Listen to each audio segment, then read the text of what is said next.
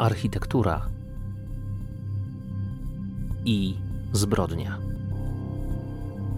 Kraków 1939-1945. Podcast Międzynarodowego Centrum Kultury. Odcinek czwarty. Segregacja rasowa. Opowiadają dr Agnieszka Zajączkowska-Droszcz. Idea wykorzystania Żydów do pracy przymusowej to było coś, co zrodziło się w trakcie trwania wojny. Z ideologicznego punktu widzenia dla Niemców Żydzi byli bezużyteczni i należało się ich pozbyć. I Kamil Karski. Sama chęć przetrwania mimo wszystko może być poczytana za ruch oporu.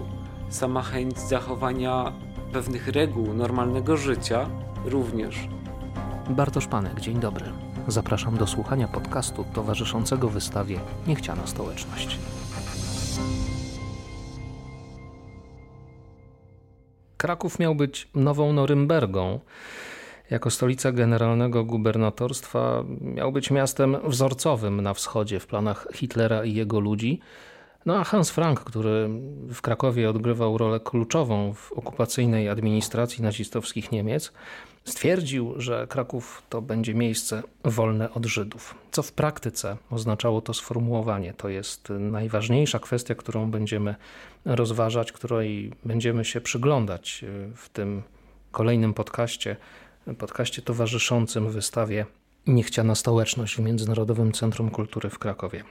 46 tysięcy to jest liczba, która w przybliżeniu pokazuje społeczność żydowską w momencie wybuchu II wojny światowej.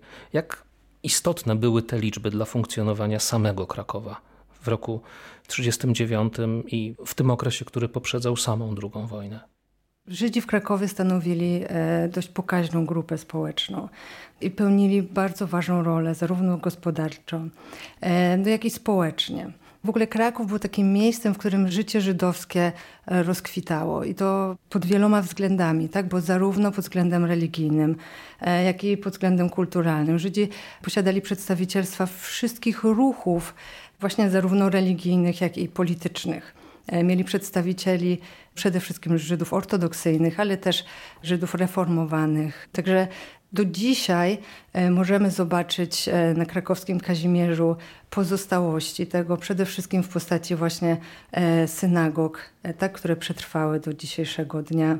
Oprócz tych synagog społeczności ortodoksyjnych, także wielką synagogę Tempel, która pełniła rolę właśnie synagogi dla społeczności tej reformowanej.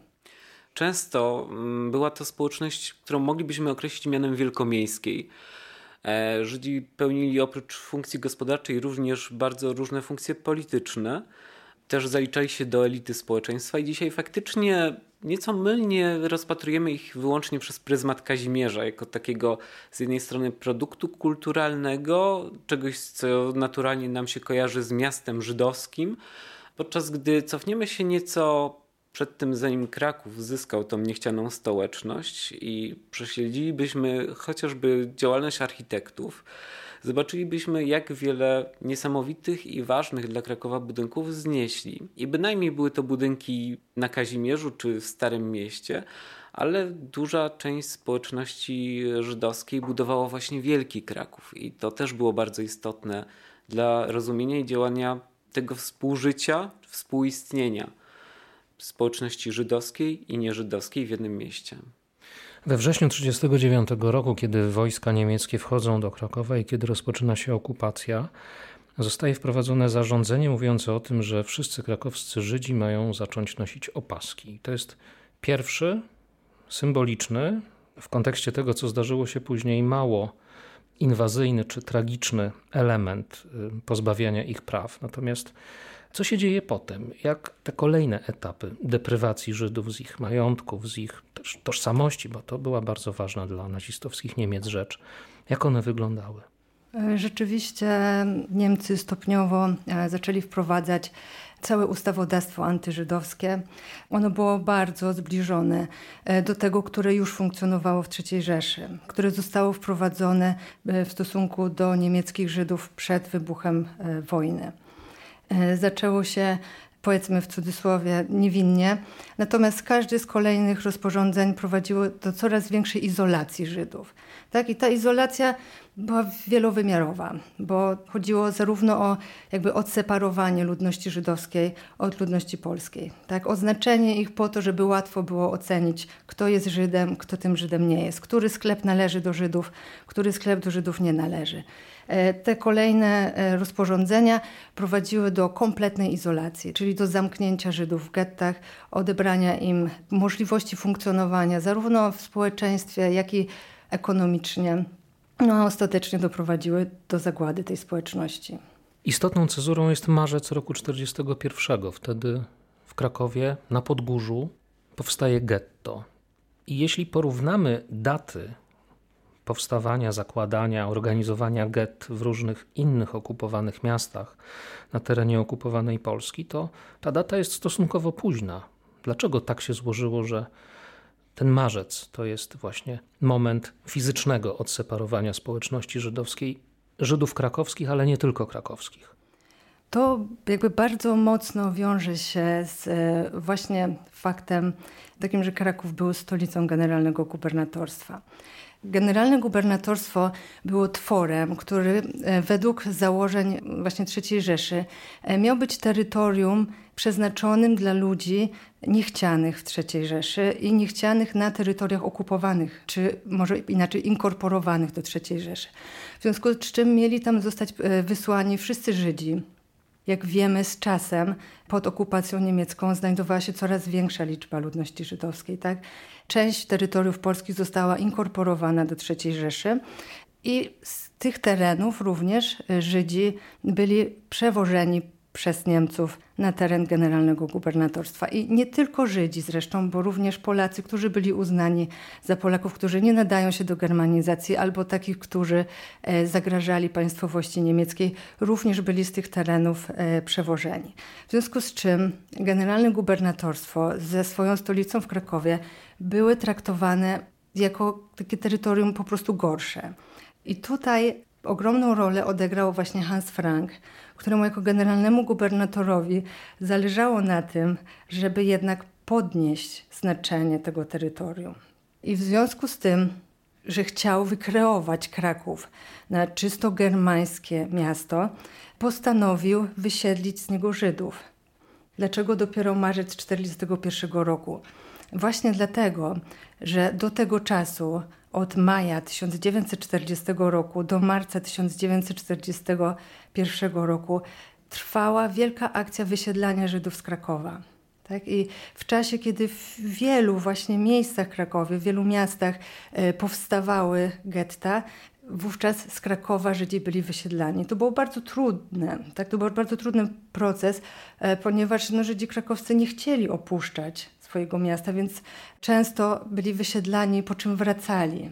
Stąd ten czas potrzebny na to, żeby, żeby tą ludność żydowską nie w całości, tak, ale usunąć z Krakowa. Hans Frank zgodził się na pozostanie w Krakowie 15 tysięcy Żydów, którzy byli uznani za niezbędnych dla gospodarki i to właśnie oni mieli stanowić jakby tą główną część społeczności zamkniętej w getcie, ponieważ od razu po zakończeniu akcji przesiedleńczej zostało wydane rozporządzenie o utworzeniu getta w Krakowie. Procesy przesiedleńcze spowodowały i tutaj szacunki są takie, że liczba ludności żydowskiej w Krakowie przed rozpoczęciem akcji wysiedlania to było około 68 tysięcy.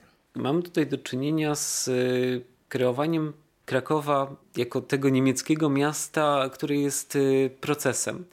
I faktycznie ten stopniowo początkowy okres niepewności, w ogóle nie tylko niepewności władz niemieckich, okupacyjnych, odnośnie tego, czym Kraków ma się stać, wiązał się też z okresem potężnej niepewności mieszkańców Krakowa, zarówno żydowskich, jak i polskich. Wraz z wkroczeniem Wehrmachtu do Krakowa rozpoczęły się bardzo przypadkowe akcje poszukiwania mieszkań. Najpierw dla żołnierzy, potem dla ściągających do miasta cywili mieszkający w Krakowie Żydzi najpierw zostali zepchnięci na Kazimierz. Potem faktycznie rozpoczęło się planowanie właśnie wysiedleń. Tylko właśnie musimy tu liczyć się z tym, że w mieście znajdowali się już nie tylko Żydzi krakowscy. Okres wojny to okres poszukiwań też ludzi mieszkających dookoła Krakowa. Miasto dawało inne perspektywy, y, inne perspektywy na utrzymanie się, na pracę. Dlatego też do Krakowa ściągali nie tylko Żydzi, ale też Polacy. E, wreszcie rok 40 to jest coś, co możemy niemalże materialnie doświadczyć, ponieważ zachowały się tak zwane ankiety personalne, ankiety osób skierowanych do wysiedleń. Były to kwestionariusze przygotowane tak naprawdę przez y, władze okupacyjne, niemniej jednak sporządzane często rękami gminy wyznaniowej żydowskiej w Krakowie, która została zobligowana do wyznaczenia tak naprawdę osób, które zostaną skierowane do wysiedlenia. Dokument skarbnica wiedzy tak naprawdę. Oprócz zdjęcia, adres, miejsce urodzenia, data, status cywilny, członkowie rodzin, świadkowie wreszcie. Bardzo proste dokumenty, które są świadectwem niezwykle opresyjnego, wilczego biletu tak naprawdę. Dzisiaj dla nas są też niezbywale ważnym źródłem archiwalnym. Dzięki nim możemy też zyskać wiedzę o konkretnych osobach, gdzie mieszkały, kim były z zawodu. Władze niemieckie przekształcały istniejące e, przed wojną rady gmin żydowskich właśnie w instytucje nazwane judenratami, czyli tak naprawdę składające się z żydowskich przedstawicieli rady, które miały za zadanie e, wcielać w życie e, rozporządzenia niemieckie. Tak, czyli były swego rodzaju narzędziem w rękach Niemców z jednej strony, no cały dramat tych instytucji polegał na tym, że bardzo często właśnie składały się z osób, które przed wojną pełniły różne społeczne funkcje i jednak równocześnie te judenraty starały się zorganizować e, w tych nowych okolicznościach e, życie żydowskich społeczności na tyle znośnym, na ile to było możliwe. A z drugiej strony wykonywać rozkazy, więc równocześnie wykonywać te rozkazy. Sposób które... taki bardzo no, diabelski, diaboliczny dzielenia odpowiedzialności pomiędzy oprawcę a ofiarę. Tak, e, i najgorszym, najtrudniejszym momentem e, dla Judenratów był moment, kiedy rozpoczęli oni organizację transportów ludności żydowskiej z get do obozów zagłady. Oczywiście dyskusje historyczne na temat odpowiedzialności judenratów, oceny moralnej trwają do dziś. Tutaj nie da się jednoznacznie, jednym słowem już na pewno tego podsumować, e, no ale tutaj to zapraszam do lektury. Dlaczego getto w Krakowie powstało na Podgórzu, a nie na Kazimierzu, tradycyjnie zamieszkiwanym przez społeczność żydowską?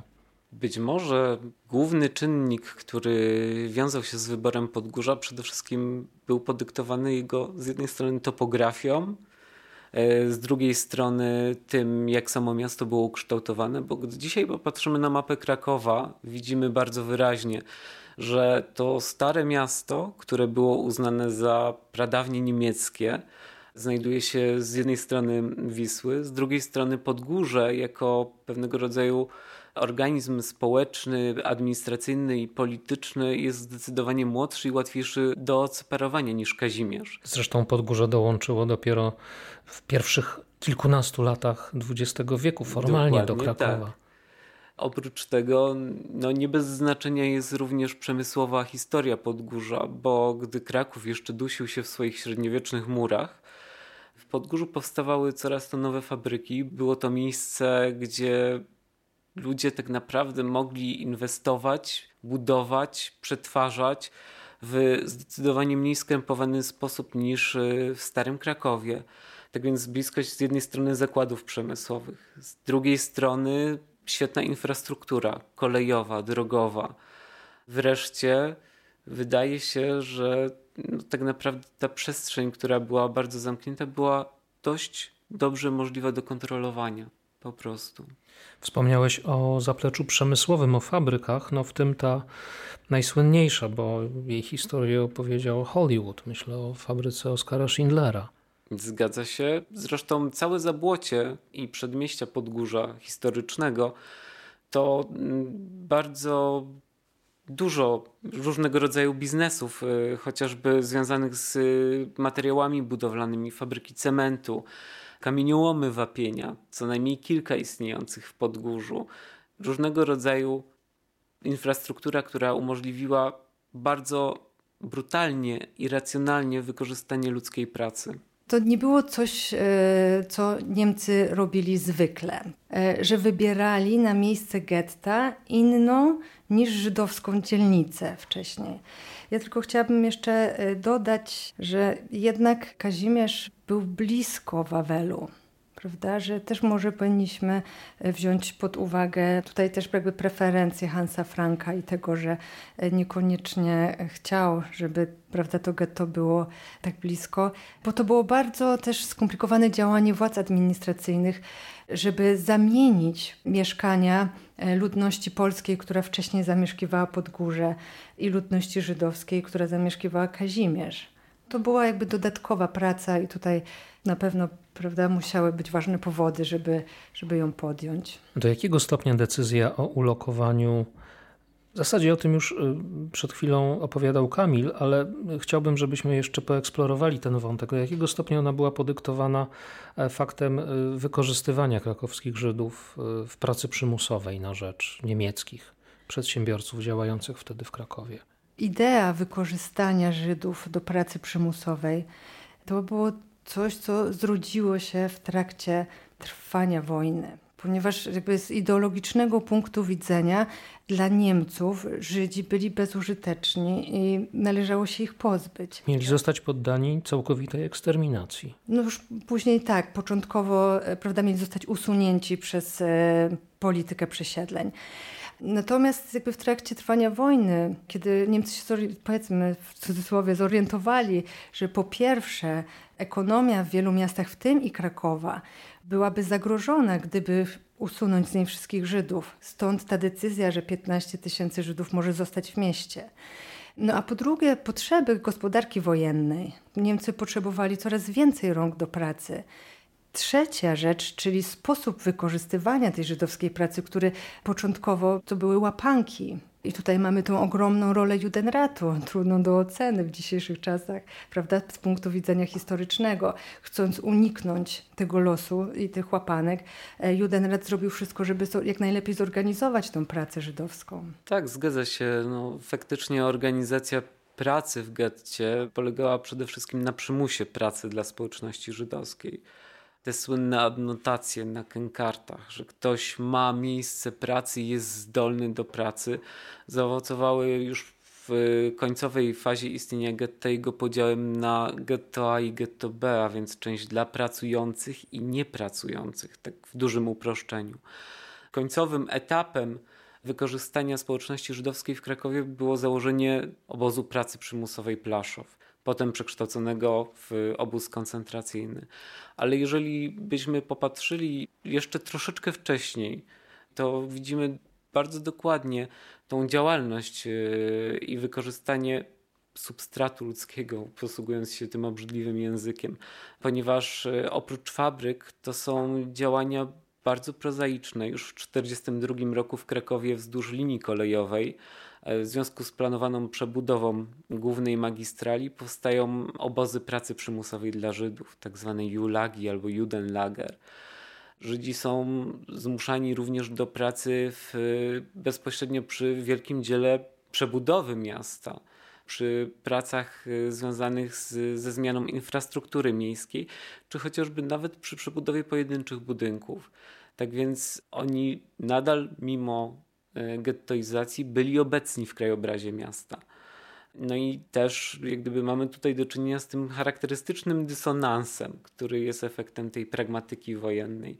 Z jednej strony to jest przemysł bardzo ciężki, a z drugiej strony budowanie materialnej ideologii, która uzyskuje swoje odbicie w architekturze. Tutaj jeszcze bardzo e, ważnym wątkiem podczas e, rozmów na temat pracy przymusowej jest też ten punkt widzenia żydowski, który wiązał się z pewnego rodzaju taką strategią przetrwania. Tak? Czyli dla Żydów e, zatrudnienie w niemieckich firmach dawało pewnego rodzaju zabezpieczenie czyli mogli mieć nadzieję, że skoro pracują dla Niemców, to są im potrzebni może uda im się dzięki temu przeżyć wojnę. No i to jest też ten jakby tragiczny wymiar tego, ponieważ mimo, że oni rzeczywiście byli ekonomii wojennej potrzebni, to jednak wygrała ideologia e, i została podjęta decyzja o tym, że ci wszyscy Żydzi, również ci z fabryk, również ci z fabryk, które produkowały broń, e, prawda, zostali e, jednak wysłani do tych obozów zagłady. A jak silny był ruch oporu wśród krakowskich Żydów w czasie okupacji? Wiemy sporo o ruchu oporu w warszawskim getcie, o powstaniu w getcie warszawskim. Wiemy o próbach wywołania powstania w obozie w Auschwitz, w obozie na Majdanku. Jak rzecz się miała w Krakowie? Ja nazwałabym ten ruch takim symbolicznym. Przede wszystkim dlatego, że był zorganizowany przez e, młodych ludzi, którzy w ogóle nie mieli pojęcia o walkach zbrojnych, którzy e, nie umieli obsługiwać broni, którzy nie mieli żadnego przygotowania do tego. Dzięki współpracy właśnie z Żydami w getcie warszawskim oraz e, tutaj wewnętrznej współpracy tutaj w Krakowie z podziemiem krakowskim, udało im się zdobyć kilka sztuk broni. E, które wykorzystali do tego, żeby zorganizować ten głośny napad na cyganerię, o którym my wszyscy wiemy. Tak? Cyganeria to była kawiarnia. To była kawiarnia w Krakowie. Nur Deutsche. Oczywiście. I tuż przed e, świętami e, właśnie ci bojowcy krakowscy wrzucili granat do tej kawiarni. Nie znamy do dzisiaj tak naprawdę liczby Niemców, którzy ucierpieli podczas tego ataku. E, znamy natomiast konsekwencje dla Żydów e, i dla tej grupy właśnie, która była związana z tą akcją, no mianowicie większość z nich została zamordowana. Z wymiaru tej działalności ci bojowcy krakowscy zdawali sobie sprawę. Tak, oni wiedzieli, że nie mają szans, oni wiedzieli, że oni nie mają co wygrać. Tam e, w tych relacjach różnych padają takie zdania, że robią to po to, żeby właśnie zostali zapamiętani jako osoby walczące, także zginęli walcząc. Taka romantyczna historia, mm, bardzo smutna, no ale jednak w jakiś sposób skuteczna, tak? No bo jest częścią tej historii, której się uczymy i przekazujemy dalej. Wszystko zależy od optyki, którą przyjmiemy, jeżeli chodzi o ocenę ruchu oporu. E, ja stoję na stanowisku, że tak naprawdę sama chęć przetrwania mimo wszystko może być poczytana za ruch oporu sama chęć zachowania pewnych reguł normalnego życia również. Nie mówiąc już o takich no, teoretycznych czy bardzo prozaicznych y, aktywnościach, jak chociażby organizacja wydarzeń kulturalnych, jak organizacja tajnego nauczania. Tutaj wspominałeś również, może oddalając się trochę od tematu getta, a zwracając się ponownie ku obozowi płaszowskiemu, o tym, że faktycznie bunt w Sobiborze, bunt y, czy też planowana akcja w Auschwitz, dlaczego czegoś takiego nie było w Płaszowie? Z jednej strony musimy pamiętać o tym, że cały okres II wojny światowej to jest okres potężnej przemocy, nie tylko fizycznej, ale też psychologicznej, że mierzenie sił na zamiary to nie jest chłodna kalkulacja to nie był obóz międzynarodowy, to nie była grupa przypadkowych ludzi. Jak jeden z więźniów, e, Mieczysław Pemper, mówił, obóz Plaszow był tak naprawdę przedłużeniem getta krakowskiego. Tam trafiały całe rodziny.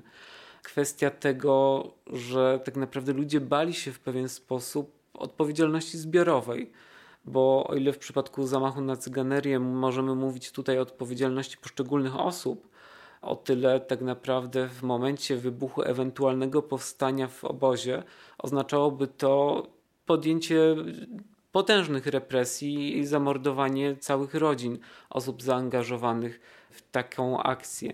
Natomiast nie oznacza to, że jakiegokolwiek sabotażu, oporu w obozie nie było. Znamy między innymi takie e, postaci jak Cesia Frymer, to więźniarka, która też pośrednio uczestniczyła w zamachu na cyganerię, natomiast ona między innymi w opracowaniu Aleksandra Bibersteina jest wspomniana jako ta osoba, która roznosi informacje po obozie, kolportuje je z ukrytego w jednym z warsztatów radia. Inny świadek, inny więzień, Bernard Offen, wspominał, że w warsztatach obozowych, w których przygotowywano buty dla niemieckich żołnierzy, starali się łamać fleki. Historia no, zupełnie mogłaby zakrawać na jakąś ciekawostkę gdzieś na marginesie, ale ci ludzie robili to z premedytacją po to, żeby te buty się rozpadały żołnierzom. Tak więc ruch oporu oczywiście jakiś istniał, niespektakularny, ale cichy. Tak jak wspomniałeś, e, sama chęć przetrwania, tak? Ona już była jakby czymś, co było przeciwne do założeń nazistów, tak? Bo oni chcieli Żydów wymordować. I oczywiście zawsze wspominamy o tych wydarzeniach takich e, militarnych, no bo one są najlepiej znane i najbardziej konkretne. E, jednak to właśnie to, co powiedziałeś, jest bardzo ważne, żeby jednak rozumieć to szerzej. Agnieszka Zajączkowska-Droszcz, dziękuję bardzo. Dziękuję. I Kamil Karski, dziękuję. Również dziękuję Państwu. Bartosz Panek, do, do usłyszenia. Słyszymy się w kolejnym odcinku cyklu e, związanego z nową wystawą w Międzynarodowym Centrum Kultury. Wystawa nosi tytuł Niechciana Stołeczność.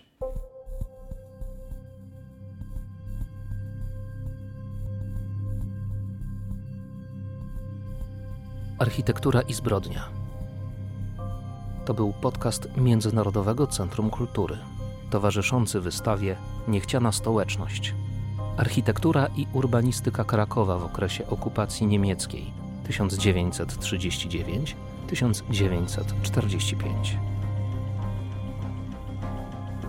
Rozmawiał Bartosz Panek. Produkcja Free Range Productions.